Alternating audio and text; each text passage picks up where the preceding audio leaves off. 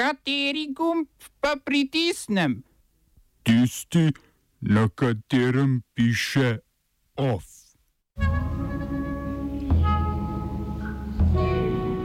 Guverner Portorika zaradi množičnih protestov napovedal odstop.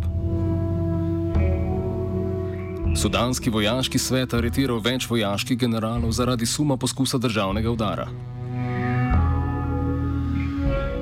Mateo Salvini zanika obtožbe o ruskem podkupovanju stranke Liga.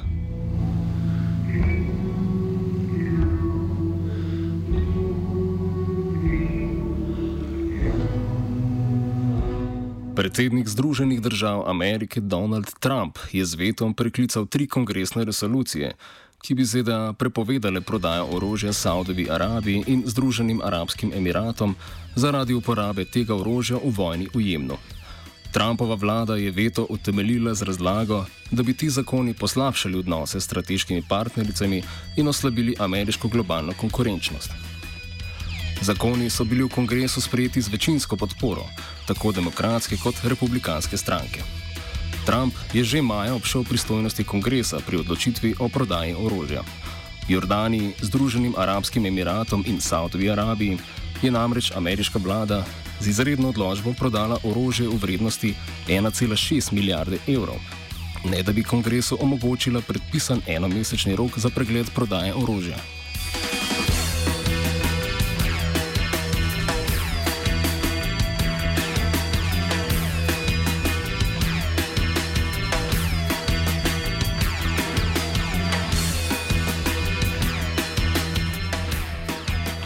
Sudanski vojaški svet je aretiral generala Hašima Abdela Mutaliba Ahmeda in 15 drugih višjih vojaških in civilnih oseb zaradi njihove vloge v domnevnem poskusu državnega udara 11. julija.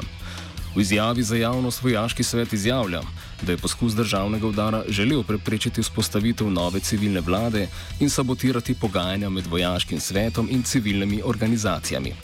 General Ahmed je do aretacije upravljal funkcijo načelnika generalštaba in vodje osebja v pogajanjih za vzpostavitev civilne vlade med vladajočim vojaškim svetom in zagovorniki civilne vlade pa je podpiral vodjo vojaškega sveta.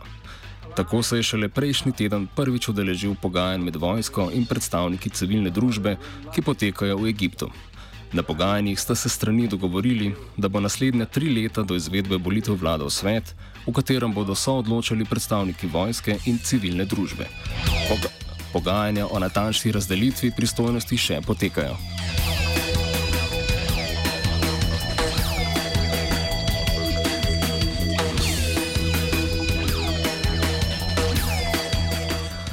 Guverner ameriškega ozemlja Puerto Rika Ricardo Roselo je po 12 dneh protestov razglasil odstop. Za svojo naslednico je predlagal pravosodna ministrica Wanda Vazquez. Proteste je sprožila policijska preiskava v zvezi s korupcijo guvernerjevih sodelavcev, ter v medijih razkrita zasebna sporočila med Resolem in sodelavci. Ta so med drugim vsebovala seksizem, norčevanje z debelosti in idejo, da bi guvernerjevega kritika nahranili s truplom človeka, umrlega v orkanu Marija. Roselo je že prej oznanil odstop z mesta predsednika stranke, vendar so se protesti pričakovano nadaljevali. Demonstranti so Roseloju in vladi očitali predvsem korupcijo in netransparentnost ter neučinkovitost pri obnavljanju otoka po uničujočem orkanu. Karibski otok se poleg vsega tega spopada še s hudo dolžniško krizo, ki je posledica de facto kolonialnega odnosa Washingtona do Portorika.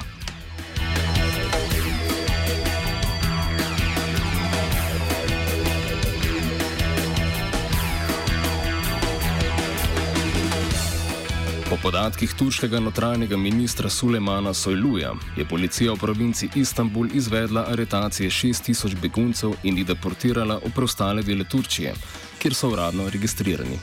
Status začasne zaščite, izdan beguncem v Turčiji, tem namreč ne dovoljujejo preselitve izven province, v kateri so ta dovoljene dobili. V provinci Istanbul je po podatkih guvernerja registriranih beguncev 547 tisoč, živečih v prestolnici z okolico pa še enkrat več. Sojlu je zanikal navedbe več tujih medijev in mednarodnih organizacij, ki poročajo o deportacijah neregistriranih beguncev nazaj v Sirijo. Poročila trdijo, da begunci pod prisilo podpisujejo dokumente v turščini, ki jih ne razumejo in v katerih trdijo, da se prostovoljno vračajo v Sirijo. Minister je ta poročila zanikal, je pa zatrdil, da se nekateri Sirci prostovoljno vračajo na sirska ozemlja, kjer trenutno ni spopadov.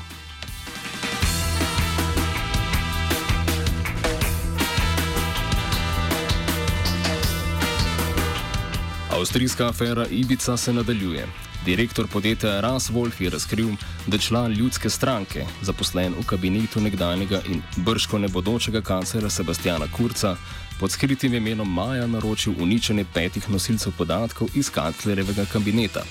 Vsebina nosilcev je neznana, vendar opozicijske stranke zahtevajo dodatna pojasnila in informacije o tem, kdo se je vedel za naročila izbrisa.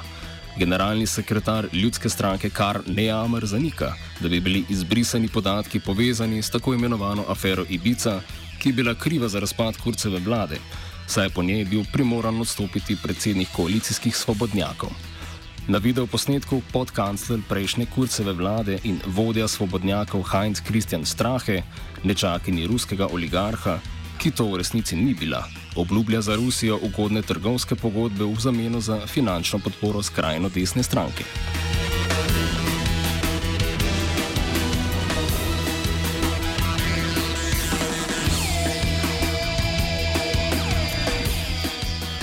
Očitkov ruskega vpliva na politično stranko pa se otepa tudi italijanska liga. Predsednik stranke in notranji minister Italije Matteo Salvini je zanikal obtožbe, podprte zvočnim posnetkom, ki kaže, da se predstavnik lige lani oktobra v Moskvi dogovarja o sklenitvi naftnega dogovora med državama, ki naj bi vseboval tudi 58 milijonov evrov namenjenih financiranju lige. Milansko tožilstvo je sprožilo preiskavo strankinega financiranja. Več o domnevnem ruskem vplivu na avstrijske in italijanske stranke pa v Offsideu ob petih. Oba, če, če bom odgovoril na angliški. Slovenija will try to help. We can Slovenija will and we will do our utmost To say that the situation is our problem ourselves. and uh, We will make further steps as soon as the conditions are bomo vlado Marjana Cererja, Mira- Marjana Cererja Šarca podprli. uh, very, very serious. we know how and we will.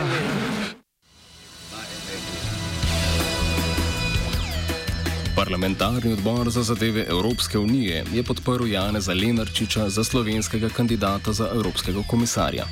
Lenarčič, sedajni veleposlanik za Evropsko unijo, je med svojimi kvalitetami naštel tudi soglašanje z vizijo nove predsednice Evropske komisije Ursule von der Leyen. V odboru sta proti glasovala predstavnika SD in Levice, ki sta Lenarčiču očitala predvsem pomankanje političnih izkušenj.